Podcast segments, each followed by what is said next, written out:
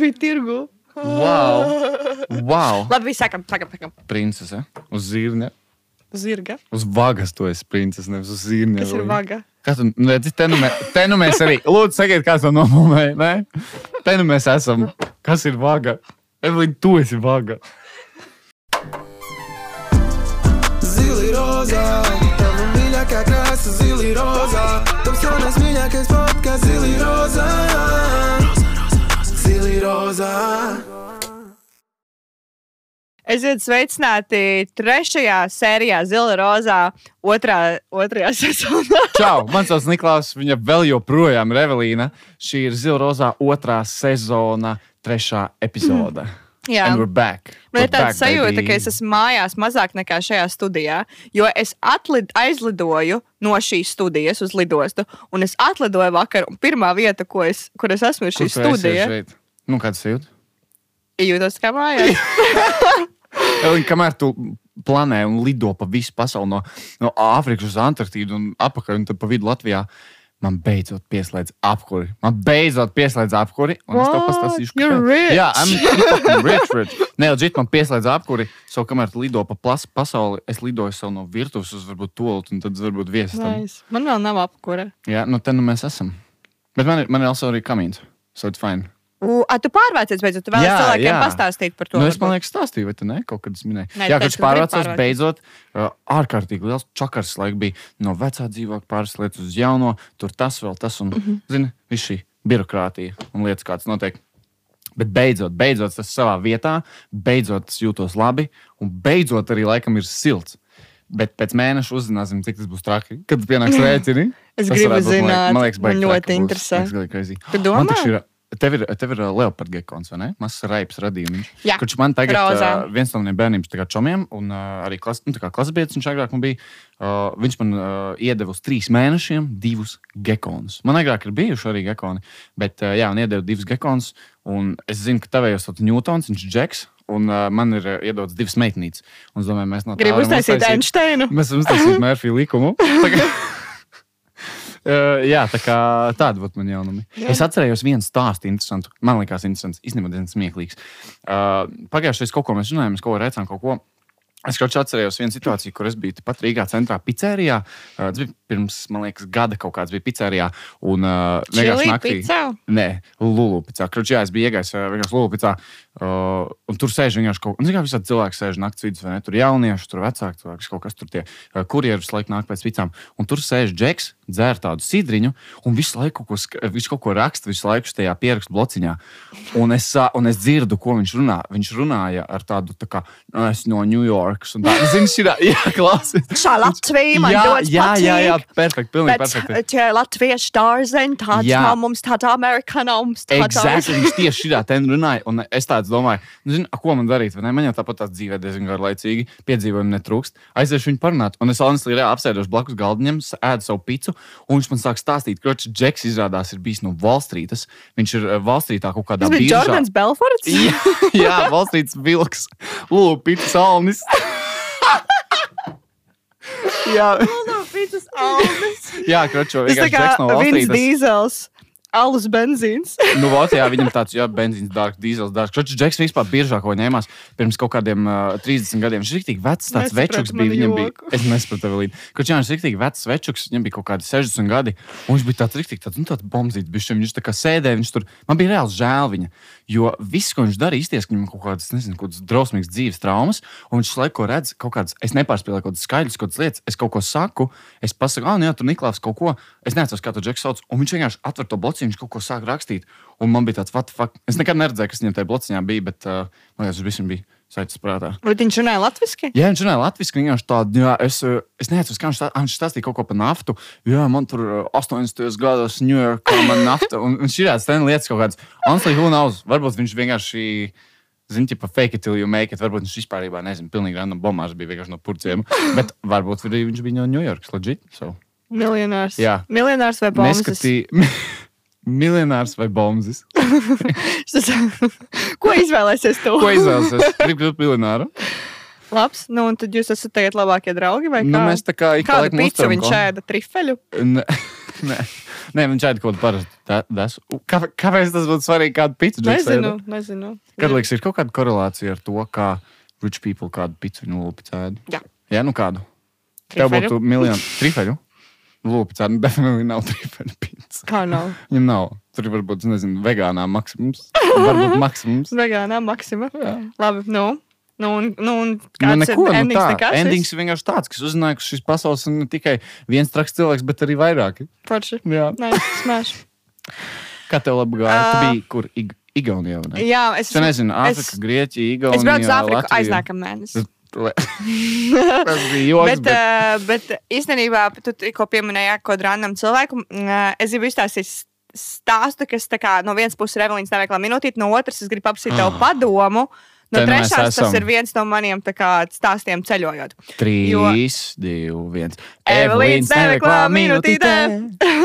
Un uh, arī atsakot backstories. Jā. Uh, man no bērnības ir mācīts vienmēr ļoti pieklājīgi un labi izturēties pret apkalpojošo personālu. Jā. Kas ir uh, viesnīcās viss personāls, uh, nezinu, taksisti, autobusu Nu, man vadītāji. gan jau ļoti grūti šobrīd noticēt, ir, bet. Nē. Nu, nē, labi, sorry, sorry. Jā, jā, es ticu, es ticu. ticu. Un man vienmēr tā kā tas ir iemācīts, ka pret viņiem labi izturēties. Un es arī vienmēr, uh, labi, Latvijā mums vispār apkalpotāji tas ir uh, vispār ļoti, man liekas, ļauni. Dažreiz es jūtos tā, ka viņus man ir dusmīgi, ka viņi apkalpo, bet ār, ārzemēs visur viss vienmēr ir super jauki, vai ne? Un Es kā tas- nesaprotu, kas ir viesu mīlestības. Līdz man draudzene pateica, burtiski viesu kā man, man ir jāmīl, nu, vai ne viņam, tā kā man ir jāiemīl cilvēks, un viņam ir mani. Burtiski. Jā. Padomā, he's your trust uz vietu, kur tu ej. Un, uh, Tieši un tā. Un uh, mums Latvijā, man liekas, ļoti zems līmenis tam, jo visi vienmēr tādu ķipa kaut ko nosviež tev ēdienu un tā. Jā. Bet, nu, es tieši citās mm. -hmm. valstīs redzu, ka ir daudz labāk. Bet uh, ne par to ir stāsts, tas ir par to, ka es vienmēr kā izsaka pret viņiem nu, ļoti jauki. Un tagad. Uh, Agrāk, kad es biju mazs bērns, tas ir bijis citādāk. eh, Tāpēc, ka tu esi bērns, kas vienkārši izturās pieklājīgi. Nu jā, Tagad, kad es esmu vecāka, dažreiz manu pieklājību viņi var uztvert kā flirtēšanu. Tik labi. Un uh, man, tāpēc, ka parasti, nu, zini, tu varbūt arī redzi, ka tur, nezinu, rich people vai vispār cilvēki, kas tur ies kādiem restorāniem, viņiem ir visi šie. Kas man vispār ir Jā, jā, Un tā, bet viņi tiešām izturās tā, ka viņi, nu, tā kā zirgiem, zina, kur uzliek tos sagus, ka viņi neredz Jā, tos jā, viesmīļus, jā, viņiem jā. vispār neinteresē. Viņi vienkārši tā noliec man ēdienu un pienies prom. viss. Nu, un es cenšos ar cilvēkiem būt jauki. Un man ir time. Es neteikšu, kurā valstī tas bija. Jo es ceļoju tagad daudz, bet mm -hmm. vienkārši izliksimies, ka vienā no. Kaut valstīm. vienā no vietām, kur Jā, es paliku viesnīcā, un tajā viesnīcā es paliku kopā ar diviem, trīs cilvēkiem vispār Mhm. tajā laikā. Tā, tā bija tā kā atsevišķa kā menšana viesnīca, un tajā viesnīcā bija trīs apkalpojošie personāla cilvēki, ko es vispār satiku. Oho, jo jā. viņi ir tā kā super tāda secretive vieta, uh, kas bija. Uh, viesmīlis, kas arī mums palīdzēja ar citām istabām jā. un tam līdzīgi. Uh, recepcijā meitene un šefpavārs. Nu, un šefpavāram palīgi. Un es ļoti sadraudzējos ar to viesmīli. Un mums bija viena vakaru, kad es biju ēst, bija vakariņas, un tur ā, four course meal. Viņš nāk katru reizi kaut ko stāsta, un mēs ritīgi sadraudzējāmies. Un tas Džeks man deva tādu nenormālu gay energy. Un man likās, I'm gonna have a new gay best friend. Bet mums Jā, tas ir your favorite. Tā kā es your favorite. Tic man, it's your favorite. Bet Bet man mums- liekas, no. Bet mums tiešām bija ļoti labs connections. Un mēs plāpājām, un plāpājām, plāpājām. Un, viena no, un mēs sākām dzert. Un es saku, tā kā viņam labi šodien var līdz sakā, ejam uzpīt pēc cīgu. ārā." Nu, jā, jā. So mēs izējām ar uzpīt pēc cīgu, mēs kaut ko plāpājam. Un es viņam saku, man mīļākie saldumi ir turku saldumi, kas ir man. Jā, Pagaidzi, legit? jā. Ko? Tu- tu- tu- Visi turku saldumi, Turkish delight, Jā, jā, baklava, viss viss tas ir man mīļākie saldumi. Man arī, man nereāli garšo. Nākamajā dienā labi. viņš man uh, pasauc un pasaka, man te ir dāvana. Un viņš Tas saka, gay? tas, Nu, tas nu, čipa ķipa, tev jā. to vibe. Un viņš man Jā. uzdāvina, vienkārši random džeks, ko es, viņš ir viesmīlis viesnīcā, kurā es Jā. palieku. Viņš uzdāvina man milzīgu kastu ar turku saldumiem. Viņš saka, es pagājušajā nedēļā atbraucu no Turcijas. Oho. What that's so cute, vai ne? Jā, jā. Un man liekas, ka šis ir tā kā perfekta līnija, kur mēs esam. Viņu nevajadzētu pārkāpt. Ideāli. Un es Krūti, ie, jā. iedevu džekam Instagram, un viņš sāka man rakstīt. Mm. Es nekad dzīvē neesmu saņēmis tik inappropriate tekstus. Oh, Dievs, Viņš man nopietni? sāka rakstīt tādas lietas, kā pēdējo nakti viesnīcā tev vajadzēja uh, pavadīt ar mani, manā numuriņā. Not like asking, vienkārši sta nu, stating. jā. kā. Jā, n- un katrs teksts bija tā kā nori. Tik Un es, un es saku viņam, kā man, nu, es jūtos ļoti nekomfortabli, tā kā, vai tu vari lūdzu man tā nerakstīt. Ak, Dievs, es redzēju, ka tu biji ķipa, aizgājis uz zāli sportot, tas tā no kamerām vēroju. Dievs, shit like slikti, that. tik slikti. Un, un paiet vēl divas dienas, un man sāk rakstīt tas šefpavārs. Jo es viņam arī iedodu savu Instagram. Es visiem dodu savu Instagram, tā kā tas vienkārši bija nice. Nē, nu jā, tas nu, tā kā tev tas ir daļa no Networking, jā. networking. Jā, daļa tas ir no Un viņš networking. man saka, rakstīt, we miss you, when are you coming back? Come, we're having, viņi stāsta, ka viņiem ir kaut kāds trakās ballītes tur. What the fuck? Tu zini, par kādām Jā, ballītēm nu, es tas runāju. ir pilnīgi mērķis vienkārši kaut Un, un, un, un, un viņi man sāk rakstīt, un es tev, es tev parādīšu pēc tam tās īsiņas, ko rakstīju. Un es vienkārši šajā brīdī es domāju, tā kā es jūtos slikti, jo es cenšos būt jauka tā kā Jā, pret tiem tu- tu cilvēkiem. honestly to Bet varbūt man vajag būt nejaukai. Jo, ja man sāk rakstīt tādas lietas, jo man nenormāli patīk tā viesnīca, es ļoti gribu tur atgriezties. Jā. Ļoti, bet šobrīd es jūtos tik uncomfortable A, tur tu nezini, bet Tas atgriezties. cilvēki, ja viņi skatās pilnīgi kamerā. Zini, tas ir. Es nešaubos, ka ir liela daļa planētas, vai ne, kaut kādas security, visādas lietas, kuras mēs kuras neapjaušam, mēs, kuras notiek tāpat, vai ne, tur skatās kamerās, tur dara to, mūsu kaut kādus datus, vai ne, tur kaut kur uh, izplūstas kaut kādas lietas. Tad, kad tu to uzzini, man liekas, tas ir pretīgi sajūta. Jā, es saku, es tiešām gribētu atgriezties. Man ļoti tur patika, tur bija perfekta atmosfēra, viss bija izcili. Bet es, man ir, man ir, es jūtos weird. Jā. Es, es honestly visu cieņu nezinu, kā es esmu vienkārši. Es, es, man būtu bail iedomāties, ja nu tajā numuriņā vai, ne, vai kaut kādā Jā, tajā vietā, ir secret kur, kamera kur, kaut kur, kāda vai, vai kaut ne? kas. Jā, un tāpēc es, kā, es, es, es vienkārši domāju, ko tu, ko tu man iesaki, kā vai man Ai, turpināt būt tā kā jaukai pret cilvēkiem, vai arī kā man ir speciāli jābūt tādai ļaunai, iedomīgai meitenei. Tā, kā, jā, atnes man- trīfeļu pastu un ej, Ej, ej Jā, backot. ej, backot. Vai tā īstenībā tik sarežģīta situācija? Jo es iedomājos, ka, tev, honestly, ja tu saki, tev patīk tā vieta, tad es varu iedomāties, cik ļoti tev reāli gribētos tur atkal būt un, un cik krūta viss tas vibes tur bija.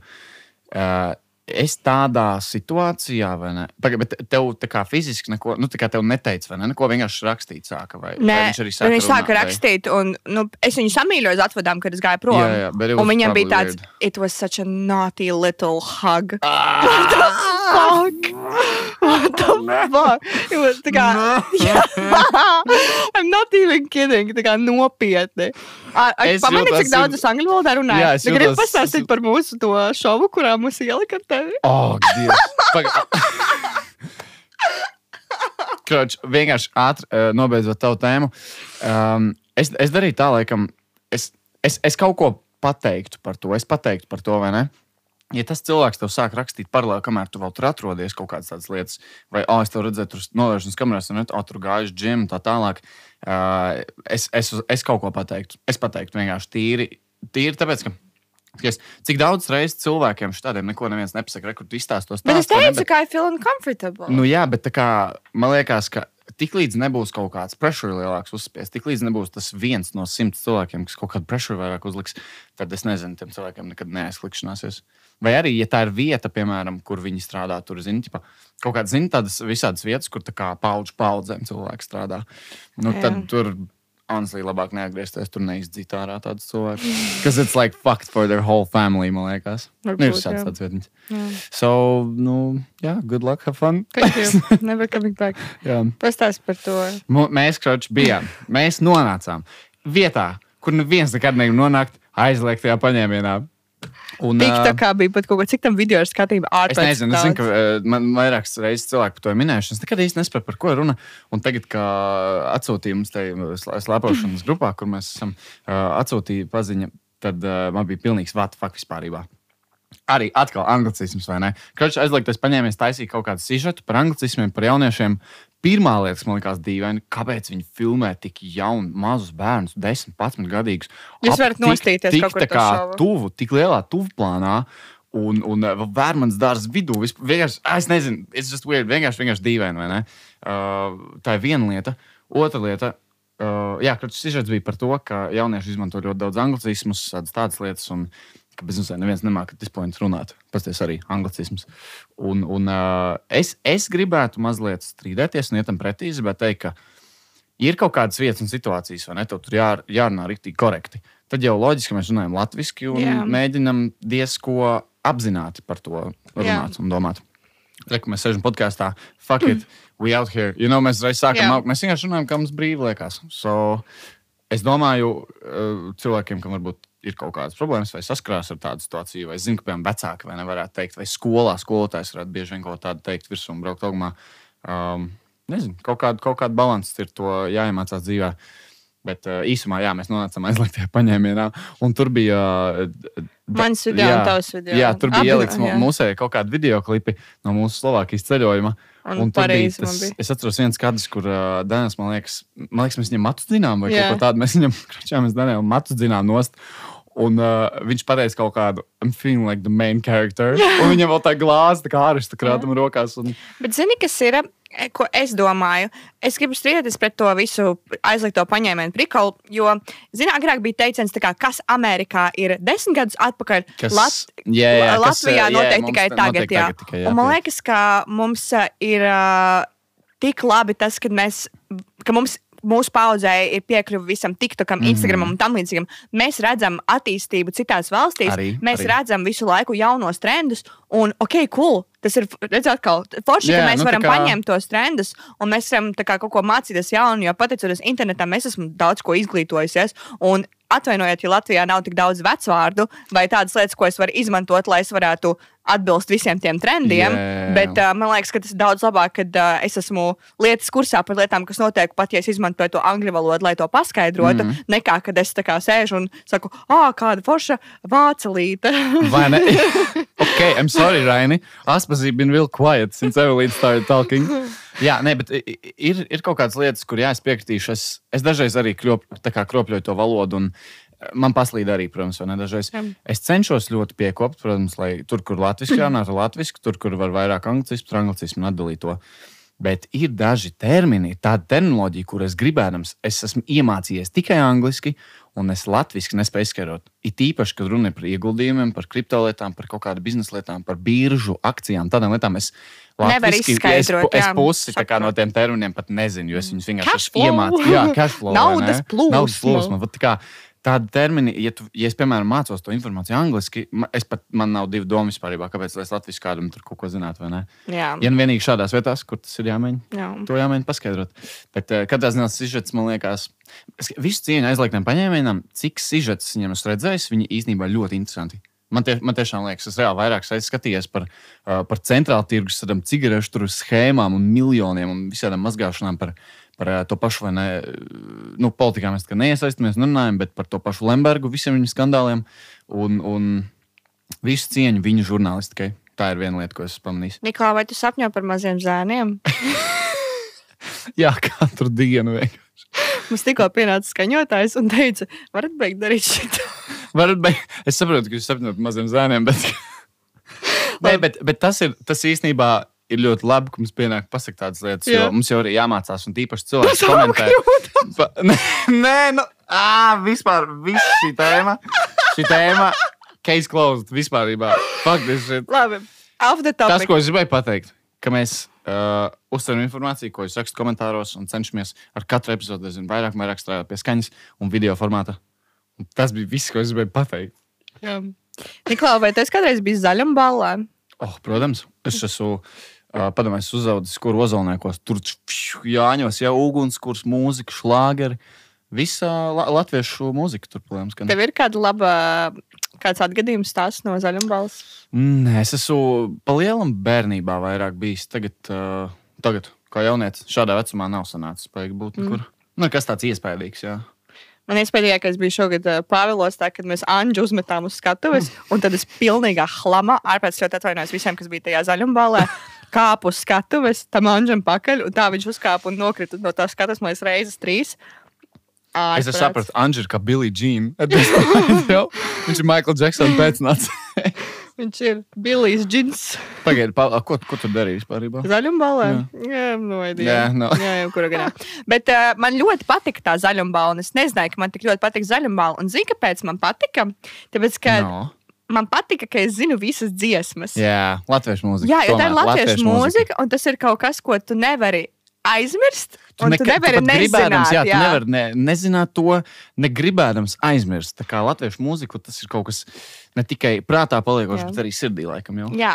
Mm. Un, uh, tagad zaļuma balēm varbūt ir uh, nedaudz par augstu, bet gadījumā, ja jūs uh, veidojat kaut kādu mājas pasēdēšanu, ballīti vai vienkārši atpūšaties kopā ar draugiem, um, tad EHR latviešu hitos uh, ir pieejama dažāda latviešu mūzika un konkrēti hiti. Un tas viss ir FM, kas nozīmē, ka tas skan ne tikai Rīgā, bet arī visās citās Latvijas pilsētās. Un katru piekdienu un sestdienu DJ Uga. Let's go! DJ Uga. Uga. No 8 līdz pat pašam rītam spēlēs latviešu mūziku un absolūti bez reklāmām. Nice, un, ja jūs nice, kādu nice. citu, piemēram, dienu taisat ballīt, ja jums nav piekdiena, sestdiena, vai tā ir jebkura cita diena, tad jūs varat iet uz ehr.fm vai arī uz uh, EHR aplikāciju. Um, un uh, tur ir pieejams streams, kur ir konkrēti latviešu deju mūzika, kas skan visu laiku non-stop bez reklāmām. Tā kā, ja jums gribas uh, rītīgi tādu zaļumbalas deju mūziku ar hitiem un uh, Padomā, tagad jau viss ir rudens, un es ziemu nāku Jā. ārā, un kur tu sēdi nebūs. Tas nav tev aiziet uz Andrijas kvartālu Jā. uz uh, terasi, vai ne? Jā. Jāsēž mājās, jātusē. Tā kā EHR latviešu hitos jūs vienmēr atradīsiet deju mūziku, ko jūs varat klausīties viens vai kopā ar saviem draugiem. Personīgi es klausīšos, sēžot istabā un griežot, griežoties apkārt. Bet, ja jums ir draugi, tad jūs varat droši uztaisīt balīti. Un arī, visticamāk, bez draugiem. Fuck it, you know, uzliec mūziku, nekādu reklāmu, kaut tusē visu nakti. Galvenais jau mūzika. Tieši tā. Tā kā atgādināšu vēlreiz, latviešu hitos deju mūzika EHR.FM un EHR aplikācijā ir pieejams streams. Vēl viens jautājums par zaļiem baltiem man izstāstīja, bet, uh, Niklau, No. vai tev ir uh, mīļākā mašīna? Uzzini, tas ir tas baiglabais jautājums. Es, es teiktu, jā, agrāk tā bija. Agrāk tā bija pavisam noteikti Tesla. Tā bija simtcenīga Tesla.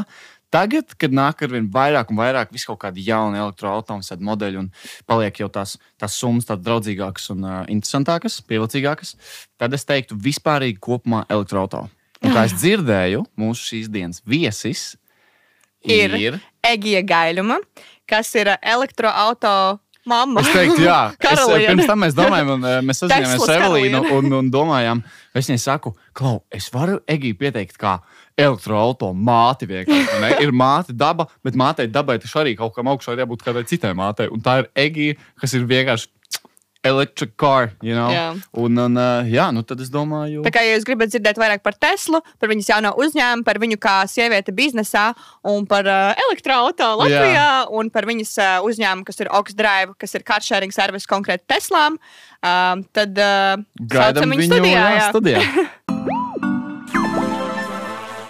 Awkward. Woohoo! Un Egijos studijā ir čau! Čau, cik superīgi būt šeit. Jā, forši. Mēs dzirdējām tādas interesantas, uh, interesantas lietas par, uh, par to, ka mums ir opcija izbraukt ar, ar Teslu. Ar Kaut kādā Teslu? brīdī, jā. Ah, Kaut kā. jā, Jā, es krūti. uztaisīju kodu, ka šis ir zili rozā, bet bez garumzīmēm, mazajiem burtiem un 5 eiro var būt atlaidi. Kas Vai ir reāli īstenībā, tās ir uh, 10 minūtes, kas ir diezgan daudz. desmit minūtes varu Tesla iekāpt pasildīties. Un tas jo ir bez maksas. No 21 gada, jā. Jā, Tā nu kā viens, visiem, kam ir virs 21, pēc tam mēs vēl to atgādināsim, bet ja jūs gribat 10 minūtes pasied, pasildīties Teslā ar kamīnu, Paspēlēt kamīnu. spēlīt. Jā. Ir, starp citu, ir klienti, kur tiešām uh, tikai pasēž un paspēlē spēlīt. Un nekur Nopietni? neaizbrauc. Jā. nopietni. Es domāju, ka līdz Teslai un uh, līdz, līdz šim visam mēs vēl tiksim. Uh, Ej, man tā šķiet, ka ikdienā tu dari tik daudz un dažādas lietas. Cilvēkiem, kas nezina, un pirmā reize dzīvē tevi redz vai arī dzird par tavu vārdu, ieskicē, varbūt, kas ir tas, ko, ko tu dari. Pats vienkāršākais ir. Ja kāds ir dzirdējis, ir Tesla sharing, Oxdrive, bez uzlīmēm uz sāniem. Līdz ar to tādēļ iespējams daudzi nav pamanījuši. Un es un vēl trīs puiši mēs izveidojām šo sharing uzņēmumu trīs mēnešus atpakaļ. Līdz ar to šobrīd es esmu līdzīpašniece, plus arī kopā mēs visi četri arī vadām šo uzņēmumu. Tas ir tāds top line, ko es daru. Bet tas ir, jums ir, kā es saprotu, vienādas daļas. Jā, kapitāla. jā. Pilnīgi sadalīts. un Jā, mums, mums četriem ir vienādas daļas, bet tad mums ir investori. Jā, Līdz ar to mums ir vēl septiņi investori. Un tad nu, kopā tad mēs esam 11, un tad starp mums visiem 11 sadalīts daļas. Pēdējā iet un iet un iet. Uh, pirms mēs tiekam līdz Teslām lietām, tu šobrīd dari, kas, kā, kā, tu, kā, kā tu sāki to? Man patiešām interesē, kā tu sāki un kur tu atrodies, ieskicē sevi pirms desmit gadiem vispār. Uh, Ar ko tu nodarbojies? Cik daudz man laika ir šim jautājumam? Cik vien uh, mēs nevēlamies limitēt? Laikam mums vairāk veidā. interesē, kā tu tieši nonāci līdz Jā, uh, uzņēmējdarbībai. Jā, jā, es saprotu. Bet tur arī tas ceļš īstenībā tieši sākas. Labi, ka tu pateici, ka vismaz desmit gadiem man ir iemesls tad Jā, jā, pieminēt. kur, kur mēs Uh, sākam? reāli tad ir tādi vairāki punkti. Kad es biju supermaziņa, apmēram kaut kādi astoņi gadi, tad es mēģināju pārdot nezāles kā puķes uh, savā dārzā un izliku milzīgu tādu uh, kaut kādu, nezinu, A1 lapu, uz kuras ar roku uzķēpāju ziedi. Un tad vienā vakarā man steidz brauc mājās, un viņš domāja, what the fuck is this? Un tad es tur sēžu burtiski tā kā nezāles, jo man nebija ne saprašanas to, ka tā ir nezāles. Izrauju nātris, ielieku Vienkārši podiņā un pārdevu. Aizdomāju, tu speciāli pārdevi Nē, nezāles. man nebija jāsaka, ka tas ir nezāles. tas, ir, tas bija pirmais eh, mans attempts izskatās eh, biznesā. Pēc tam es eh, sapratu, to, ka kaut kā vajag vairāk nopelnīt naudu. Nu, nepietiek ar to, ko mamma iedod. ar nezālēm nevar nopelnīt. nezālēm nevar nopelnīt. Tad es sāku trenēt citu cilvēku suņus. Ko es arī uztaisīju kā tādu savu, savu hustle, ka tu vienkārši ej un apmāci citus cilvēku suņus. Un tad tas pats lielākais turning point manā uzņēmējdarbības karjerā bija kaut kādi 18, 17 gadi, kad mēs ar draugu izlēmām, ka mēs taisīsim uzņēmumu, un tas būs online uh, veikals maidzīvnieku precēm. Tajā laikā tas bija tā kā tiešām inovatīvi. Mēs tā, ok, super. Ko mēs izdarījām? Mēs paņēmām ātrā kredītu, kaut kādā tajā laikā, es nezinu, 200 lati, kaut kas tāds. Un, uh, Tad mēs aizbraucām uz mazā krasta ielu, atradām oficiālu, iemaksājām Cik tev varēs bija gadi? nu, Tad? kādi 17, 18, nu, kaut kas tāds - ap to vecumu. Pirmo kredītu vispār, ko var paņemt, ir vai džekam autam dinozauru, bet make it online. Mēs aizbraucām uz mazā krasta ielu, tur mēs paņēmām oficiālu, samaksājām par pirmo pēdējo mēnesi, tad mēs iztērējām no tiem kur bija 200 lati, tad nu, 150 latus Jā, mēs iztērējām tur. Tad mēs aizbraucām pie visiem izplatītājiem, saslēdzām līgumus. Nu, protams, mēs noreģistrējām arī uzņēmumu. Tas vispār pat pirmā lieta, vai ne? Un, un tad es atceros, kā mēs sēdējām uz grīdas tajā oficiālā un domājām, ko mēs darām tālāk. Mums ir oficiāls, mums ir izplatītāji, mums vēl nav ne jāsaka, kā pat vispār uzbūvēt mājaslapu, kā tas vispār strādā, kā tu dabūji klientus. Un tā mēs sēdējām un bankrotējām pāris dienu laikā, jo mums kā nebija vispār izpratnes. Ne par Kāpēc, ko. okay, bet kāpēc jūs izdomājāt līdz jūs... Piedod, mēs smējamies. vie- Vienkārši tas, ir, tas izklausās nu, tik tā kā riski. Daudz riski. Es nevaru neredzēt, tur vienkārši ir risk management, sarkanie karodziņi pēc sarkaniem. Kā, kā jūs izdomājāt, ok, tagad uh, mēs nevis tur pārdosim, tur, es nezinu, Nezāles. telefonu vāciņus vai nezāles online, bet kā, kā līdz medzīvniekam? Kāpēc? Kāpēc Nu, redz, es uh, trenēju tos suņus pirms Jā. tam. Tad, kad es biju kādā ap tiem pašiem deviņiem, desmit gadiem, es aizgāju kā brīvprātīgais dzīvnieku patvērsme. Jā. Līdz ar to visu, ko es biju redzējis, ir suņi, dzīvnieki, un man likās, ka tā kā arī labais bizīts. Nu, un, Ok, bet online, nevis, oh, nē, mēs uz vietas netaisīsim, Nu, mums jā, vajag protams, online mēs būsim inovatīvi, reāli inovatīvi. Un, mm. Jā, nu, liek piebilst, pēc tam mēs šausmīgi ilgi maksājām to kredītu, jo tie ātrie aizdevumi izrādās drausmīgi, milzīgi procenti. Un tajā laikā viņi pat nepārbaudīja, ka ne man, ne tā meitenei nav darba.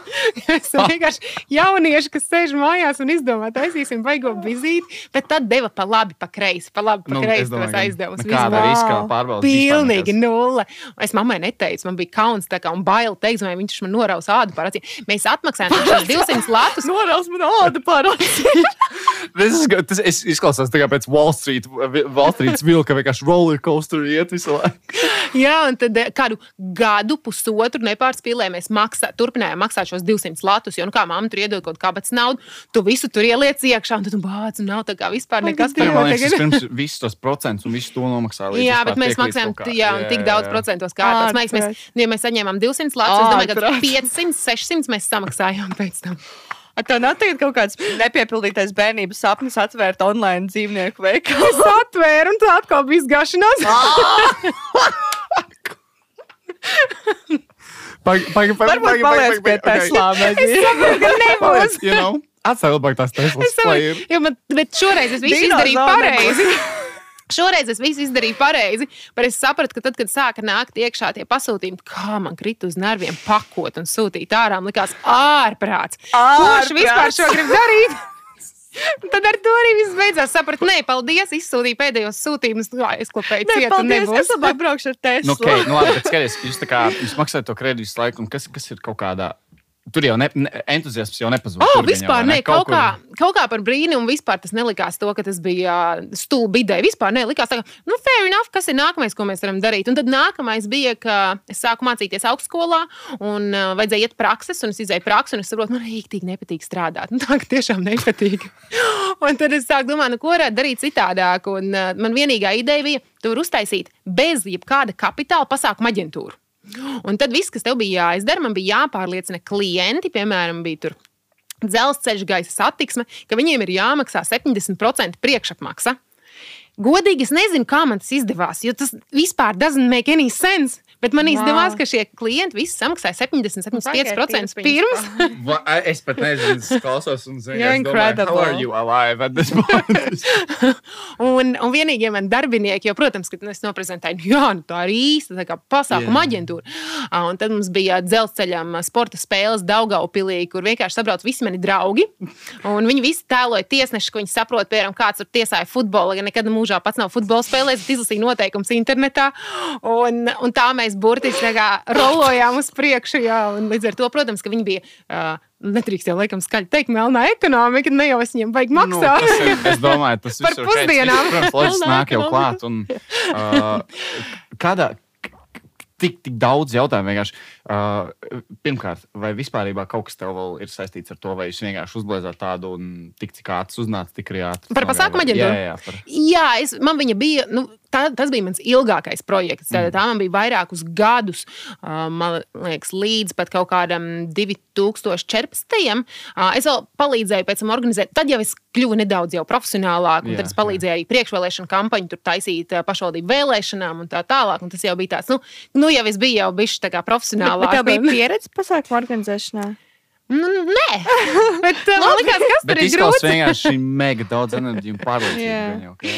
Protams, nu, man liekas, kā, tas pats galvenais droši vien, ko no šī, ja kādam būtu jāpaņem, Jā, ir tas, jā. ka tu vienkārši uzticies sev. Nu, ja tu gribi, tu ej un dari, un vienkārši tici, ka tu izdarīsi, bet nevis ar tādu, kā, ja nesanāks, nesanāks. Jo es tiešām tad arī nu, tiešām grindoju. Nu, ja vajadzēja to pasākumu uztaisīt, labi, es tur taisīju visādus tur apvadu ceļus, tur draugiem pa pusdienām, Jā, tā, jā, jā. bet tomēr vienmēr viss bija izdarīts. Tā kā neviens nevarēja pateikt, ka nu, kaut kas, nē, kādreiz jau kaut kas bija. Bet viss pasākums bija uztaisīts. Jā, jā nu, ka kā lai vai kā, bet es vienmēr, es vienmēr biju pārliecināta par sevi, ka I can make it work. Nu, lai kas tas būtu, es vienmēr biju pārliecināta, ka nu, es I'll figure it out. Jā, Es, jā. es atradīšu veidu, kā. Bet tas bija, tas bija kaut kas tāds, no kā piemēram, tu minēji. Bet pagaid, tu to darīji, un vēl kaut kāds cilvēku, kaut kāda vairāk cilvēku, vai, vai, vai tikai tu? Nu, pasākuma aģentūra tā, smadzenes tā un- bija tikai es, un tad es vienkārši pieaicināju atkarībā Nu, no pasākuma. Pieaicināju draugus. Man bija māsīca, kur man dekorēja, un tad pēc tam viena man draudzene dekorēja tur pasākumus. Un, un, uh, līdz ar to tur, tur es biju pilnībā, pilnībā viena pati, jā, un, un mēģināju kaut Tas ir kā. tas, ko tu visvairāk iemācījies no tā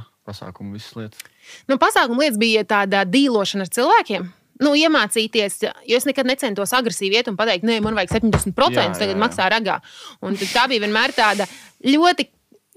It kā naiva vienlaicīgi, bet paskaidrošana, nu, ka tiešām nu, vajag samaksāt, jo attiecīgi te ir pārējie partneri. Tas bija tas, ko es iemācījos runāt ar cilvēkiem un pārliecināt viņus.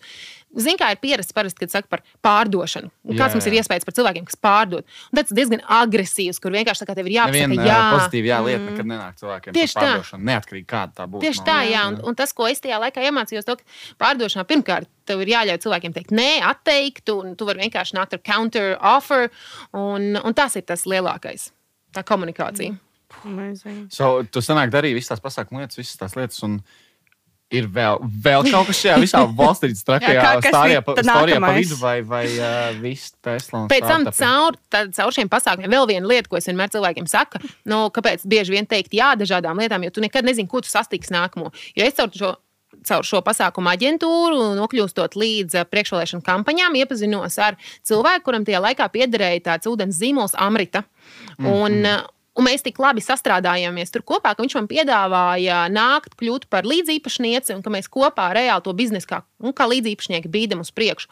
Un tas bija tāds nākamais pēc tam pasākuma aģentūras. Es sapratu, nu, ka pasākuma aģentūras nespējuši skeilot. Es viņu nevarēšu pateikt, nu, nu it kā ielikt bet cik tās stundas Jā, cilvēku, cik tu vari. Tieši tā. Un vēl viena problēma, kas man liekas bieži pasākuma aģentūrām. Klienti nāk un grib strādāt tieši ar to personu konkrēto. Mm. Un tad, Piedā, bet tu pabeidz universitāti? Jā, jā, jā, jā, jā, paralēli. Tu darīji Ko paralēli. Tu, ja drīkst jautāt, ko tu esi mācījies? zinat, tādu zviedri, SSE Rīga. Ah, jā, jā, jā. Nu, lūk, tā ka tur, bet uh, līdz ar Aha, to man ir skaidrs, mācīties. tad tas ir. Okay, okay. Tas ir, jā, nē, tas katrā ziņā ir vārds, ko kāds pasaka, kā telpā, un tad viss tā mazliet klusāk. Jā. Vairāk klausās. So, tas, tas ļoti labi. Jā, nu man ļoti tur gribējās studēt. Un, nu, lūk, bet atgriežoties pie tā, tā tad es iepazinos ar īpašnieku. Viņš man piedāvā nākt komandā kā, kā, kā līdzīpašniecei. Un tad mēs sākām to ceļu to zīmolu attīstīt tālāk. Tajā brīdī tas bija tikai pāris veikalos, pat Latvijā. Tad es ļoti aktīvi sāku braukāt uz Ameriku, uz Singapūru, uz Indiju un mēģinājām ievest viņu dažādos tirgos. Un mums jau praktiski bija tāda viena, tā kā iedomājieties, ķēdes Sky Rīgā. Tā alternatīva ir tāds Gelsons. Kalifornijā, mm. un mēs principā viņā jau bijām nu, nu, gandrīz jau iekšā. Viņi mums atsūtīja jau līguma, visus paraugus, kas mums ir jāiziet cauri. Un tas ir 20. gada janvāris, viņa atsūta vai februāris, un tad mēs zinām, kas notiek Un ar Martu. Jā. bām, pasaulē Jā. sākās viss. Un visu viņa vienkārši atsūta viss e-pasta, slikti. ka sorry. Nebija bet, um, Jā, viņa teica, nebūs. Mēs tā kā neriskēsim šobrīd. Jo Amerikā lai vai kā, bet nu, ir tomēr līdz kaut pasakot, tur Latvija, mūsu reģions. Visiem ir bijusi tāda rezistence. Nu, nav tā, ka visi grib uzreiz Nu, uztvert. ir, Jā, vispār. Kur, kur, Kāda Austruma Eiropa? Jā, jā, jā. kur vispār?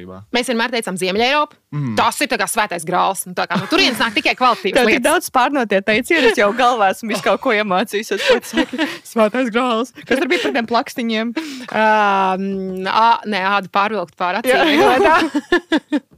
Šis ņem vienkārši konču visam, kas vien ir. Okay, nu, labi, so, tā kā notiek viss covid, vai ne? Viss slikti, un ču, beidzās. Nu, jā, Ko tu dari tajā laikā? Tajā brīdī, nu, pēc tam mēs vienmēr sakot, turpinājām fokusēties vairāk uz tieši Baltiju, jo mēs bijām ieņēmuši to kursu, ka nav vērts pat iet ārpus Latvijas, tepat tūmā, ka ir jāiet uzreiz tikai uz tādu Ameriku. Um, un tad vienkārši tajā brīdī mēs sākām fokusēties vairāk uz Eiropu, vairāk uz uh, kaimiņu valstīm. Un tad mēs nonācām pie, pie tās stadijas, kur beigās mani uzrunāja Citybī un piedāvāja kļūt par country manager. Viņš vēl nebija, tas Citybī ne, nebija vēl vispār Latvijā. Viņi piedāvāja ievest pilnīgi no nulles visu uzbūvēt. Tas bija tik nesen. sanāk? Es, jā, es 19. tieši gribēju jautāt, tas šeit tik tikko sanāk. Jā, tas Visam, ir visam 19. pa vidu. 19. gads kaut kas tur, jā. Un līdz ar to tas vēl ir paralēli Amerikai. Un tad es man tajā brīdī man likās grēks atteikt šādai iespējai, jā. Un, un tad līdz ar to es pieņēmu. Un, un, un tad sākām attīstīt, attīstīt visu to sitību no sākuma tikai ar busiem, pēc tam skūterus un pēc tam vieglās automašīnas. Un līdz ar to visu šo kopā darot, vienkārši man izkristalizējās arī vairāk, kas man patīk. Un es sapratu, ka man nenormāli cepīja mašīnas. Nu, tā kā mm. defaultā, vai tas ir Fiat 500 vai Tesla, man nenormāli cepīja un patīk. Un, un tad tajā laikā mēs sapratām to, ka līdz ar to man vairāk sāka interesēt visas tās sitību mašīnas lietas nekā ūdens biznesa. Un tad mēs ļoti draudzīgā veidā tiešām ar to. Man otru tādu līdzīpašnieku mēs vienkārši izrunājām un sapratām to, ka, nu, var redzēt, ka man acis deg vairāk par, par šo te lietu nekā par ūdeni. un Līdz ar Jā. to viņš atpirka no manas Tev vēl, daļas. ja drīkst jautāt, tev, ah, nu, es tieši gribēju Jā. jautāt jā, par kapitāla un daļām. Tad uh, viss, tev vairs nekādas Jā, vispār jā. nekādas saistības. Nē, viņš, viņš atpirka visu atpakaļ un līdz ar to un, un turpina. Līdz ar to es turpinu to ūdeni dzert, un viņš Jā, jā. joprojām ir mīļš. Protams, bet vienkārši- nemaina produktu. Vai, Jā, bet mēs vienkārši sapratām, ka, jā, ka, ka es nākotnē skatoties uz priekšu, sapratu, nu, ka, zinā, man arī gribās būt vienam no tiem saucamiem serial entrepreneurs, Jā, kuriem jā, tur ir jā. daudz lietu, bet lai cik es mācos biogrāfijas par visiem pārējiem tur miljardieriem, miljonāriem, viņi tomēr paņēma vienu, viņu atstrādāja, noslīpēja. Maksimāli, Tā ir un tieši tad tā. kaut Tad viņi paņem menedžmentu, Jā. ieliek tur, un tad viņi sāk tur vēl 5, 10 Jā, biznesus. Es, es, es ļoti piekrītu. Es tieši, Tieši tieši, tieši tā. par otru variantu domāju, ka vajag uztaisīt kaut kādu mega lielu krūtu biznesu, un tad no tā tu vari un investēt, kur vien tu vēlaties Jep. iekšā, ka tev ir nauda. Precīzi. Jā. Tā, pirms mēs turpinām. Jā. Ko jūs sakat par uh, mazu jautru rubriku, jeb uh, mūsu Spēlīti. mazo spēlīti, ko mēs esam izgudrojuši? Let's go! Un mācām vaļā. Noteikumi ir pavisam vienkārši. Es saprotu, ka Evelīna ir instruktējis tev, bet es pastāstīšu cilvēkiem, kas ne tikai mūsu klausās Spotify un Apple podkāstos, bet arī skatās Zelrozā YouTube kontā. Šis ir tas moments, kur, ja tu klausies, tad arī atnāc un noskaties, ko mēs šodien darīsim. Uh, viss pavisam vienkārši, vai ne? Mums ir rekords poga, mums ir vairākas lapiņas sagatavotas, un ir 5 sekundžu likums šai spēlē nosaukums. Piemērs. Es pasaku, Klau, nosauc trīs lietas, kas ir sarkanā. Tas mans vienmēr, man liekas, vienmēr mans top piemērs, bet nosauc trīs lietas sarkanā krāsā. Bum, 5 sekundes timers sākās, uh, un tad tu nosauc tās lietas, uzsit pa pogu, un jūs visi sapratīsiet, un visu to redzēsiet. Uh, jā, es domāju, mācām vaļā. Tā tad, gatava? Pressure! Uh, Zini, kas man liekas, uzdod vienmēr vislielāko spriedzi. Ja pasaka, ah, no pressure. Jā. tad tas ir, Tas ir Nē, tāpat, kā tiešām. kad fotogrāfs saka, Nestreso. vienkārši jūties dabiski. Jā, tas dabas, un tu tā sēdi. Tā kā tāda crackhead lapsa vienkārši tu tāds, ko man likties. Jā, kroč, pavisam vienkārši. Nācam, nācam vaļā. Nosauc trīs dārzeņus zaļā krāsā. Gurķis, Es gribēju teikt, banāns! Bet uh, bana, ba, Zaļš banāns. zaļš banāns, jā, ir, tāpēc, ka viņš vēl nav, viņš vēl nav, nu, tā kā, vai ne, uh, ripe, tā kā banāna. Bet vai tas ir Tas dārzenis? nav dārzenis, un viņš viņš nav zaļš. Es tā. ok. Nekas, nākamais. Nosauc trīs lietas, kam obligāti jābūt mašīnā. Uh, spogulītim, uh, bremžu pedālim un ātrumkārbai. Yes, Es, sir! es, būtu, Ir. teik, es Nā. būtu teikusi kosmētikas somiņai, telefonam un labai mūzikai.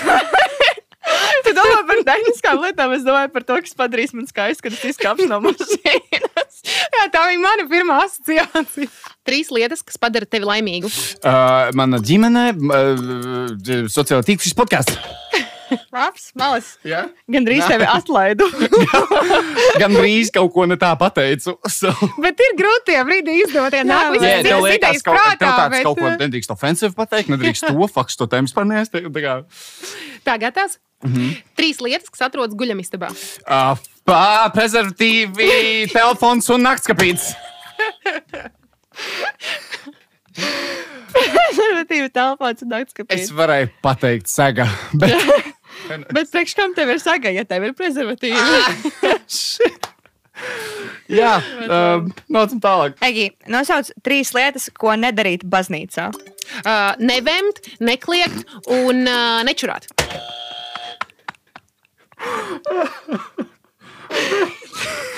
Tā ir. Tās lietas nevar Tas darīt. izklausās tieši tas pats, ko dar- nedarīt mašīnā. Man liekas, ka tev bija tāds, ko nedarīt manā Teslā. Nevemt, nečurāt un nekliegt. Nē, kliegt var Teslā. Tu pasaki to nevemt, man galvā tāds, mm, Niklau, turies. Es nezinu, ko nevar darīt baznīcā. Daudz. Man liekas, Gan- laikam jau nevemt. Nē, Jā, honestly, man liekas, visu var izņemot. Nu, jā, izņemot, nu, abas lietas. Mums, mums tieši ie- iepriekšējiem pirmajam podkāstam uzrakstīja Niklāvu komentāru. Dievs darīs jūs brīvus. Jā, mums uzrakstīja kaut kādu. ho- Nu, Mēs esam Mēs kristieti. parasti mēs, parasti, mēs neaizteikam kādas reliģiskas lietas, politiskas, vai nu, mēs tādās tēmās vispār nekad dzīvē nebraucam. vai Ne? Bet daži komentāri internetā, kas tur, lai jūs esat svētīti, un daži, ir ļoti superīgi, nu. Jā, ļoti Jā, labi. es svētīju, jā. Es arī esmu priecīga. Es saku, No. ka es vispār esmu ticīga. Labi, Forši, Evelīna. labi. Trīs lietas, kuras var sagriezt. Uh, pirkstus, kāju un uh, dārzeņu. Nē, nu, Jā, kāpēc? Okay. Es tev uz pirkstu kā burkānu neaizliku pēdējo Es aizlēmu. sagrieztu vārdu. Nosauc trīs lietas, ko var darīt mežā. Lasīt sēnes, lasīt lapas un skriet. Mums atkal sēnes. Mums katrā man patīk, cik sēnes. profesionāli tu tikko to atbildēji, ka in between, tā kā stresa momentā, tev jāsauc lietas, tu vēl tā pasmējies. un man pat- Mums taču katru, katru epizodu, katrā šajā spēlē kaut ko man kāds ir uzdevis, un es katru reizi nosaucu kā piemēru sēnes. Es nezinu, kur mērķis. Un... Ko ne, vai, piemēram, mums bija viens Jā. rītīgi labs kaut kāds, ko darīt vai nedarīt balītē kaut ko, un es kaut ko Nē, saucu. ko saucu, neņemt lido, Ko ne- lidostā? Neņemt Lidmašīna. lidostā, sakot, sēnes. Trīs lietas, ko darīt, ko balīt. Es saku, sēnes. Tā kā aizsver, ko es varu sakot. Rīsmā fun spēle. Jā, ir labi. tad, tad vie- vienkārši tāda. Ja. Nosauc trīs veidus, kā sasveicināties. Čau, atā un aloha. Kā a tā ir sasveicināties? Tā, Tā. nu, o, a tā vēl. Hugs, just hugs. Pagaidām. Aita bija paldies igauniski. Tērē, tev vajadzēja teikt. Ā, tere. Jā. A tā vienkārši džekam bāj. Čau, atā un aloha. Ok. Tā. Pirms nedēļas es staigāju ar savu draugu pa vecrīgu, ne, ne pa vecrīgu, bet pa kluso centru. Un viņa man saka, ārprāts, mums Latvijā ir inflācija, bet mums tik daudz bagātu cilvēku apkārt palikuši. Un es saku, kāpēc? Viņa saka, visi apkārt brauc ar Teslām. un es saku, Elizabetīt, tu nezini par to, ka, ka, ka mums ir sharing un servis. Un tāds, nē, nezināju. Un es saku, mums nav daudz bagātu cilvēku.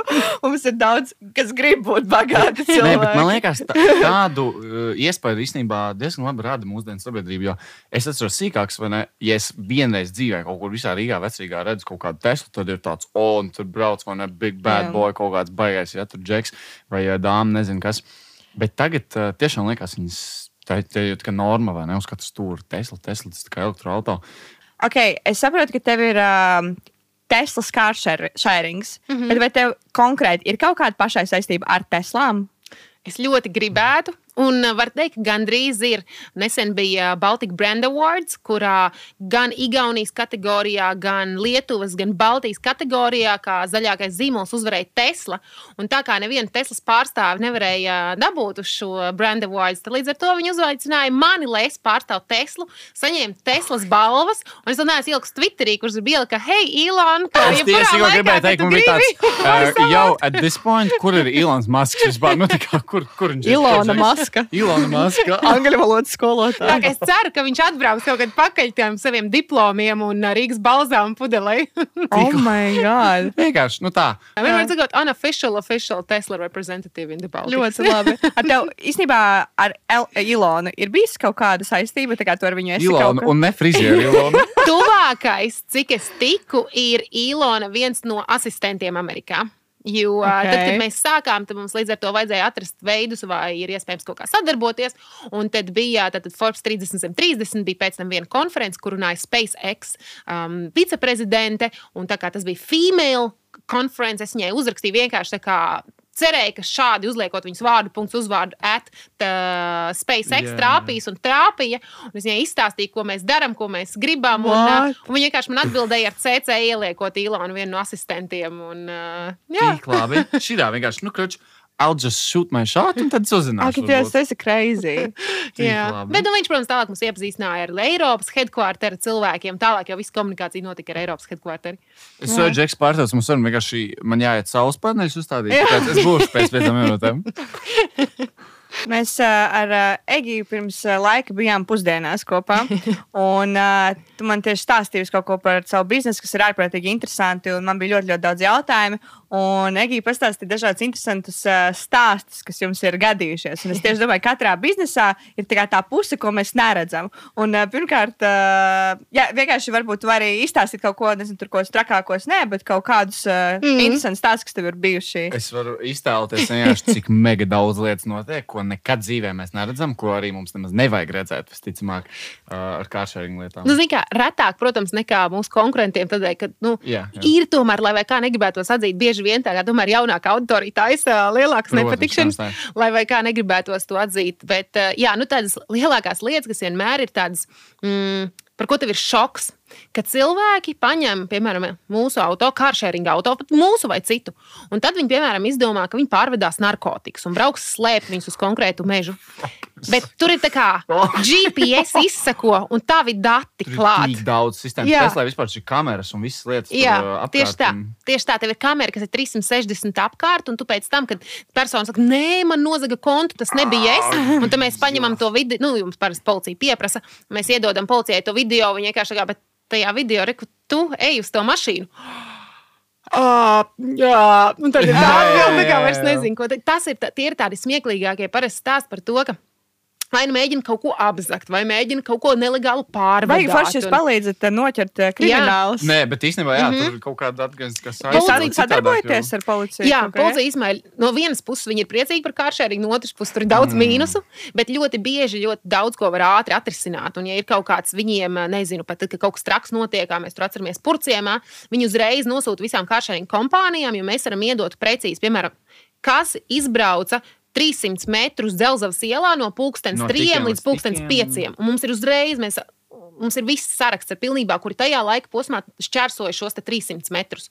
Un, un līdz ar to, man liekas, to bieži cilvēki neaizdomājas, tad, kad viņi to mēģina pastrādāt. Un, nu, parasti, Protams, tie cilvēki, man liekas, to dara tik arī viņi virspusēji un banāli domā. Jā, nu, protams, tie nav lielie kaut kādi tur, tur bandīti. Jā, Viņi jau parasti ir tādi maziņi, un tad viņi mēģina šādā veidā nu, tur, tur tikt tam cauri.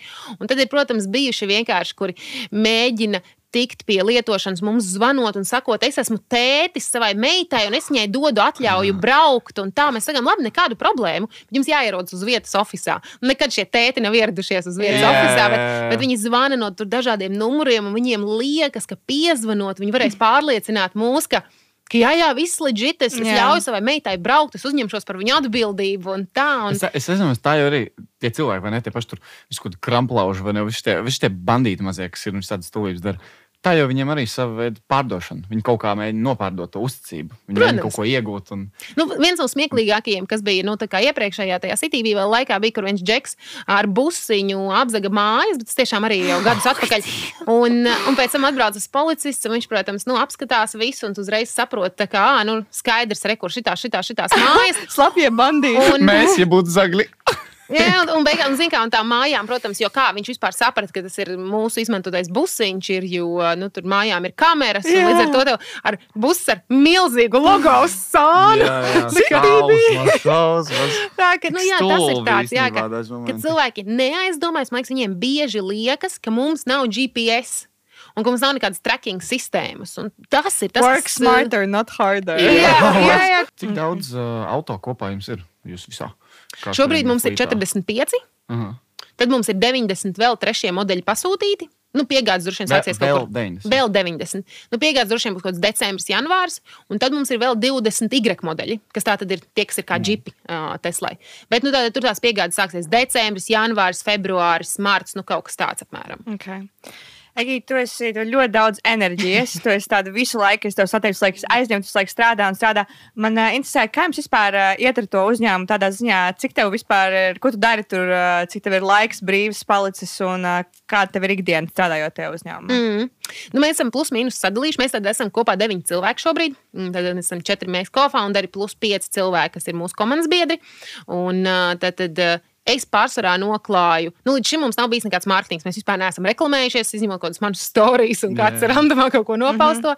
Tad tagad mēs sāksim reklamēties. Jūs droši vien sāksiet redzēt, mūsu reklāmas. izmantojat visu, jums tā ritīgi iet. Jā, uz- jā, bet vienkārši tas, ko mēs eh, redzam un jūtam, ir, piemēram, ja vasarā tevi cilvēki ņem tur uz trīs dienām, jo tev ir karsts, tu brauc tur, nezinu, uz jūrkalni vai uz liepāju, tad tagad tas, tas pats cilvēks skaits izmanto, bet vienkārši īsāku laiku. Mm. Līdz ar to mēs saprotam, ka super, nu tā tad ir laiks pievienot jaunus lietotājus, jo iepriekš mēs nereklamējamies tādēļ, ka mēs sapratām, nu, piemēram, tu nezini par mums, tu pievienojies mūsu aplikācijai, jo mēs tev noreklamējamies, tu atver aplikāciju, un kas notika vasarā? Nevienas mašīnas aplikācijām. Cilvēks zvanīja, prasīja, vai tā kā nav nobrukusi aplikācija, nestrādā man, vai man kaut kāds filtrs ir uzlikts, es neredzu vienu mašīnu. Tādēļ mēs nereklamējam, saprotot, ka tā būs slikta user experience, ka tu jau nevari dabūt to auto. Mm. Un, uh, Ar to tagad es tā kā mana, mana tā lieta būs tieši tas mārketings, visas reklāmas, sadarbības un uh, brand awareness un dalība dažādos. Roza. Mums tas ļoti patīk. Tas ir gadījumā meklē influencerus un tā. Jā, ja mēs kaut kur zīles rozā gribētu aizbraukt, Mums varētu zila rozā Tesla. Jūs zināt, kam uzzvanīt? Yes, sir. Ew, bet Absolūti. īstenībā es pat es tajā sadzirdēju, ko tikko pateici, un es nemelošu. Tā ir bijusi lieta, ko mēs esam gribējuši. Tieši mēs gribējām īstenībā uz otrās sezonas palaišanu vienu no, es nezinu, kaut kādiem kāršēringiem vai kaut kādu mašīnu, kaut ko uztaisīt, kaut ko tu, tu, tu pašu busiņu random palaist kaut kādu par Rīgu vai ne, kur ir uh, kaut kāds zila rozā elements. Jā, Mēs- mēs to atstāsim atceros, jā, mēs- ārpus Mēs kamerām. par to, bet uh, tas, tas būtu vienkārši krūta kaut kādreiz dzīvē. Ej, runājot uh, par ne konkrēti šo biznesu, bet vispār par visiem biznesiem, kur tu esi kaut ko darījusi. Man ir tas ļoti aktuāls jautājums, jo es esmu meitene uzņēmējdarbībā, un es saskaros arī ar daudz negācijām par to, ka, o, tu neko nezini, tu neko nemāki, ko tu vispār dari. Kā tev ir visus šos gadus, kad jau no skolas laikiem esi bijusi uzņēmēja, būt sievietei uzņēmējdarbībā? Šo jautājumu man uzdod bieži, un man īstenībā ļoti grūti atbildēt, jo es iespējams esmu pret šo jautājumu ļoti ignoranta, vai es nezinu, kā pareizi latviešu to var pateikt. Um, es, iespējams, cilvēki to nodomā vai nu, kaut kādā veidā mēģina to izrādīt. Bet uh, es tā kā tāds zirgs ar klapēm uz, uz acīm, uz sāniem. Es tieši Jā. šo pieminēju. Jā, Evelīna Es tieši šo salīdzinājumu es pieminēju, tad, kad tu vēl Tieši- nebija. tieši to pašu, to pašu, jā. Ā, re, Un nu ir ar tevi. ir connections. Jā. jā, jā, jā, tieši tā. Jo es pat, ja varbūt, zina, jā, ir bijuši reizes, piemēram, mēs aizējām ar kolēģi, tad viņš ir džeks, es esmu meitene, un skatās no sākuma visu laiku uz viņu. Un, ā, bet es ā, kaut kā baigi to neņemu vērā. Es vienkārši turpinu runāt tā, it kā viņš skatītos arī uz mani, un vienā brīdī. Nu, uz tevi arī sāk skatīties. Bet, ā, bet es vienkārši vienkārši tad- biju tāds Tas ir kā jums, kā dāmām uzņēmējiem, tad tas vienkārši vairāk parāda, ka, ziniet, neviens neko nejautā un uh, visi saprot, jo jūs vienkārši tad ar savām darbībām laikam parādat gana to rezultātu. Es pieļauju, jums tāds, you know, varbūt tur, nezinu, jūs mums skatās vai neskatās kaut kā we don't care vai ne, vai kā tikko minējāt to Jā. zirgu.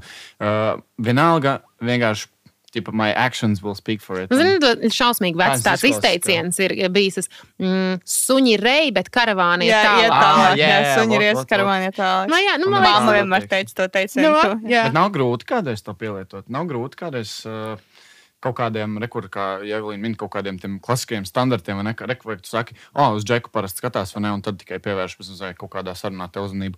Uh, nav, nav grūti tā kaut kādā momentā.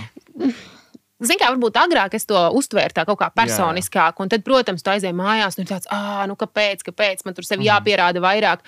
Bet uh, ar laiku tu vienkārši norūdies. Tas ir burtiski, tu ej, nezinu, tur augstās peldēs ziemā. Nu, no Jā. sākuma tev ir nenormāli augsti, un tā kā tu drēbi pilnībā varbūt pat saslimsti, bet ar laiku tu ej iekšā un tev Jā, liekas, ka pff, easy peasy. Man liekas, tas tieši tāpat ar šo. Uh, tas, es man- pilnīgi jūtu tādu enerģiju, vienkārši starojam. Rītīgi, nu, tas jauns, jo es ļoti bieži to saskaros, to, ka es tiešām aizieju uz kādām vakariņām un ir apkārt visu laiku visi vīrieši. Un viņi savā starpā runā par tā kā uzņēmējdarbībām, tēmām, un tur es nezinu, nu, kaut kādām citām arī man interesējošām tēmām, kuras arī varētu ielikt savu viedokli. Un man vispār ignorē. Un es ik pa laikam iestrādāju savu viedokli, Jā. un viņi pilnīgi mani ignorē. Un tad man ir divas pretreakcijas, kas man ir bijušas dzīvē. Viens ir kā, ok, es esmu blonda meitene, kas izstāsta pēc bārijas, un tad es speciāli tēloju stulbu. Man tāds, oh, God, kas ir Web3? Beidz, varbūt tā ir no stratēģijas. Vai arī otrs variants ir, kad man ir bijis tā, ka es esmu vispār gājis ar brillēm, es sāku pirkt fake brilles, gājis bez make-up, kaut kādās super kā casual clothes, lai es izstītos viena no viņiem, zini. Un tā. Man vajag no tevis Tik- mācīties, es nemāku. traki īstenībā, jo man, man tā, protams, ir pilnīgi jauna pasaule tādā ziņā. Un, Nu. zini, man, man reāli žēl, man re- reāli žēl dzirdēt, ka vispār, kur mēs dzīvojam 21. gadsimtā, un vēl šī ir lieta. Nu, tā kā, Nu, ziniet, tas parasti, gan, protams, visticamāk, Evelīna ir nu, ar vecāku paudzi, vai ne? Nu, parasti Jā. tas nav tā kā. Jā, jā, jā. Ne, ne tikai arī mana tā kā vecuma, visi šie 23 gadīgie, 24 gadīgie jaunie uzņēmēji, ignore me. Nu, vienīgi jautājums tajā brīdī, ko es vienmēr domāju, vai tev viņus vajag?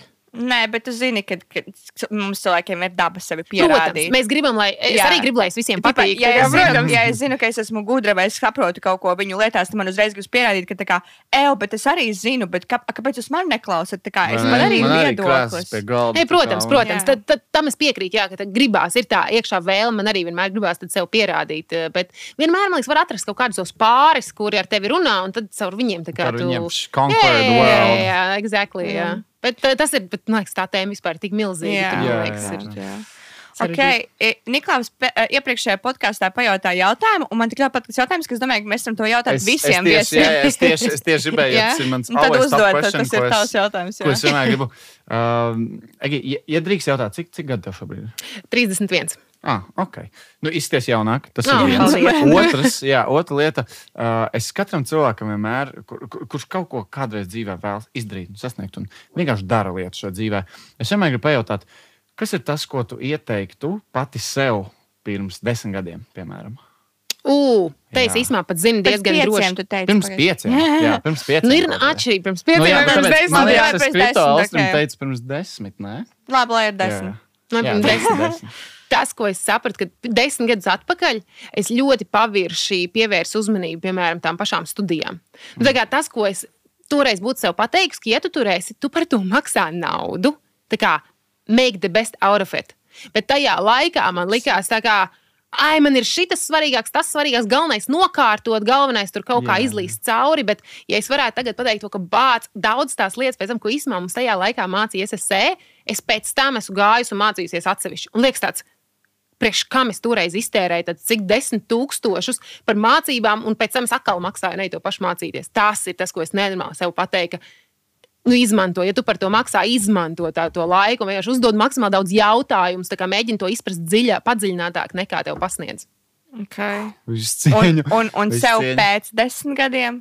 Sev Pēc, ko es ieteiktu Jā, tagad, tu pēc desmit gadiem? gribētu? Jā, tu vari pēc tam nosīties šo podkāstu pēc desmit gadiem un paskatīties, Fuck, ko yeah, I tie made it. Jā. vai ne? Tā kā- um, pieņemt vēl drosmīgākus lēmumus. Nu, kā nebaidīties vispār no tā, ka, zin kā, jo tad, kad tu sāc attīstīt biznesu, tad tev kādos brīžos jau sāk ie, ie, iezakties tā doma par to, kā nu, tu vari mazāk nedaudz riskēt. Jo, ja nu šis te neizdosies un cilvēkiem nepatiks, un viņi vairs nelietos to tavu servisu, tad īsnībā vairāk uzdrošināties riskēt un pamēģināt, nu, ka pat ja nesanāks, tu vienmēr vari izlabot, un cilvēkiem īstenībā ir diezgan īsa atmiņa. Nu, ja mēs tā uz Nu, politiku ir, un tā. ir, tad, uh, cilvēki jā. pēc dabas mēs esam ļoti forgiving. Tādā ziņā, īstenībā. Jā, Mēs, man liekas, jā. vienkārši notiek kaut kāda figņa internetā, paiet pusgads, gads, divi, pieci, un oh, bum, ready, var braukt mm -hmm. tālāk un, un darīt. Tev tiešām ir ļoti daudz enerģijas. Man tu esi ļoti liela um, iedvesma. Tā kā Ā, es skatos uz tevi un es ļoti mācos no tevis.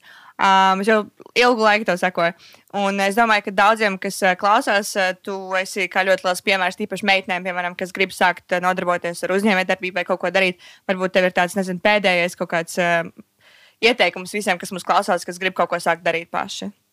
Tas, kas man liekas, vienmēr ir lielākais, ir mm, svarīgākais, ir saprast, vai tu to gribi darīt tādēļ, ka tiešām tu to gribi darīt, vai tādēļ, ka sociālajos tīklos visi tagad ir uzņēmēji, biznesmeņi, un tas ir stilīgi. Un tad eh, tas, ko es par saku, iedomājies, mēs pārsvarā skatāmies ārā pa logu. Novērtējam citus, un pēc izvēl, veicam savas izvēles. Bet īstenībā mums vajadzētu skatīties spogulī. Un tad saprast, kas ir tas, ja Wow. nebūtu neviena cilvēka uz pasaules, tu būtu palicis viens pēdējais cilvēks. Ko tad tu darītu? Vai tu tiešām to biznesu bīdītu? Nu, skaidrs, labi, protams, tas ir tāds ļoti uh, nu, jautājums, smieklīgs ar to, ka kāda jēga no biznesa tu esi vienīgais. Tas ir jau filozofiski. Bet, bet... bet vairāk pieiet no tā, ka vai tiešām, ja ne, vai arī otrs labāks veids, kā uz to skatīties, neviens nekad neuzzinātu, ka tu to darīji. Neviens nekad neuzzinātu to biznesu bīdītu, palikt tā kā nekad nezināms cilvēks, yeah. vai tad tu to darītu. Un, ja tas ir nē, tad tas nozīmē, ka tev tas interesē tikai tādēļ, ka Wow. tas ir tāds sociālais spiediens. Un tad jau pēc tā jau saproti, nē, es to darītu vienalga, vai mani zina, nezina. Es varu pat kādam maksāt citam, kurš iet runāt mēdījos, un, un es esmu aizmugurē. Tad skaidrs, tur vispār nav nekāda iemesla, kādēļ nepamēģināt. Un sāc ar mazām lietiņām. Nu, vienmēr ir tas saucamais MVP. Nu, uztaisīja Facebookā Jā. un pamēģina nopārdot kaut kādu, nu, kaut ko pilnīgi, kas nav reāls, un tu ieraudzīsi pēkšņi, hei, trīs cilvēki pieteicās. Nu, skaidrs, es varu Wow. pamēģināt tālāk. Ļoti, ļoti interesanti. Es domāju, ļoti ir mega, jā. mega tā kā atsvaidzinājums, very refreshing. Jā. Es domāju, mums podkāstam visi, cilvēku ausīm arī. skatās, tipā, oh, arī, piemēram, mums kā influenceriem, cits, cita bišķiņa. Arī es nezinu, tev noteikti tā ir bijis, kad sāc skatīties kaut kādu influenceru, youtuberu, un tu sāc viņu kopēt. Tāds, oh, jā, tā kā viņam ir tik labs kontents, jo, tas un... bet tā, taisnība ir tā, ka tu nevari, nebūs vēl viens tāds cilvēks. Nebūs mm. vēl, nu, tā kā tu esi tu, un tu dari to, tās dažreiz stulbā, neforšā dzīves patiesība, bet tam ir jānāk no tevis. Tam ir, Jā. tam vienkārši ir jānāk. Jā. Citreiz, nē, citreiz tev vajag kaut ko tādu pakopēt, lai forši, jā, bet- uzkačātu tur kaut ko, kaut Ka ko. Bet tev ir jāzina, labāk, jā. jā, bet tev ir jāzina mērķis, kādēļ tu to dari. Mm. Nu, ka nevis tu vienkārši sev melo un mēģini tēlot, kas tu neesi, bet ka, nu, es to tagad izdarīšu mēnesi, jo es zinu, ka tādā veidā Jā, es jā. tur iemācīšos kaut ko citu vai vienalga. Jau, gan jau tomēr tāpatās nāk no tevis. Jā. Ja tev vajag kaut ko citu pakopēt, vai ne? Un, un, uh. Super, paldies tev! Jā, paldies, paldies, ka atnāci. Jā, paldies. Man liekas, jā. sanāca ļoti forša saruna. Jā. Un lai tev viss izdodas, un tad uh, vēlreiz atgādinu, ka, ja jūs gribat izbraukt ar Oksdrive Teslām, tad jūs, augstā rudenī. jā, jūs varat izmantot kodu Zili Rozā un dabūt 5 uh, eiro. Atlaidi. Atlaidi. Bet bez garumzīmēm un ar mazajiem burtiem. Zili, rozā. Zili, rozā. Un tad, uh, cerams, vienu dienu mēs gaidām savu, savu vāģi. zili rozā. Otrā sezonas beigas, trešā sezona knows. Tieši tā. Paldies tev, Egi. Paldies! Man vienmēr prieks, ka kāds vispār klausās un grib dzirdēt tā. Jā, Ļoti man novērtēju. liekas, mēs Paldies! varētu stundām. augt, Jā, ir ļoti daudz jautājumu. Kad tiksimies trešā, ceturtā sezonā. Labi, čau. Čau! Vot, uh, es, es teikšu, ka Evelīna saka, vot tāda mēs te pīrādziņu. Ot tādi pīrādziņi. Jā, tā kā milzīgs tev paldies, ka ne tikai klausījies, bet es ceru arī, ka skatījies šo otrās sezonas, ja nemaldos, trešo. Man liekas, šī ir jau trešā epizode. Kaut kā jau mēs te, tas epizodes vācam, punktu skaitam kopā un, un kaut kur jau ejam. Jā, tā kā. Loterija! Loterija, super bingo. Milzīgs, milzīgs, milzīgs. Mega paldies mūsu ne tikai atbalstītājiem, bet vienkārši arī lielajam draugam, kas ir EHR. Paldies par to, ka viņi ir ne tikai mums aiz muguras, bet īstenībā arī sānos. Mūsu vien. sirdīs. Jā, mūsu sirdīs, un es ceru arī, ka jūsu Un ausīs. Nē, mūsu ausīs. Mūsu ausīs un telefonā, jo lietot, ne? Jā, tā kā milzīgs paldies EHR, milzīgs, mega, mega, mega super paldies, ka jūs klausījāties un skatījāties. Mani visur vienmēr var atrast vienkārši ierakstot internetā vārdu Niklaus. Evelīna ir atmovie Evelīna, kas her life is a fucking movie, baby. Un Jā. tiekamies nākamā ceturtdiena, pulksten sešos. Čau! Nice? Jā, cool.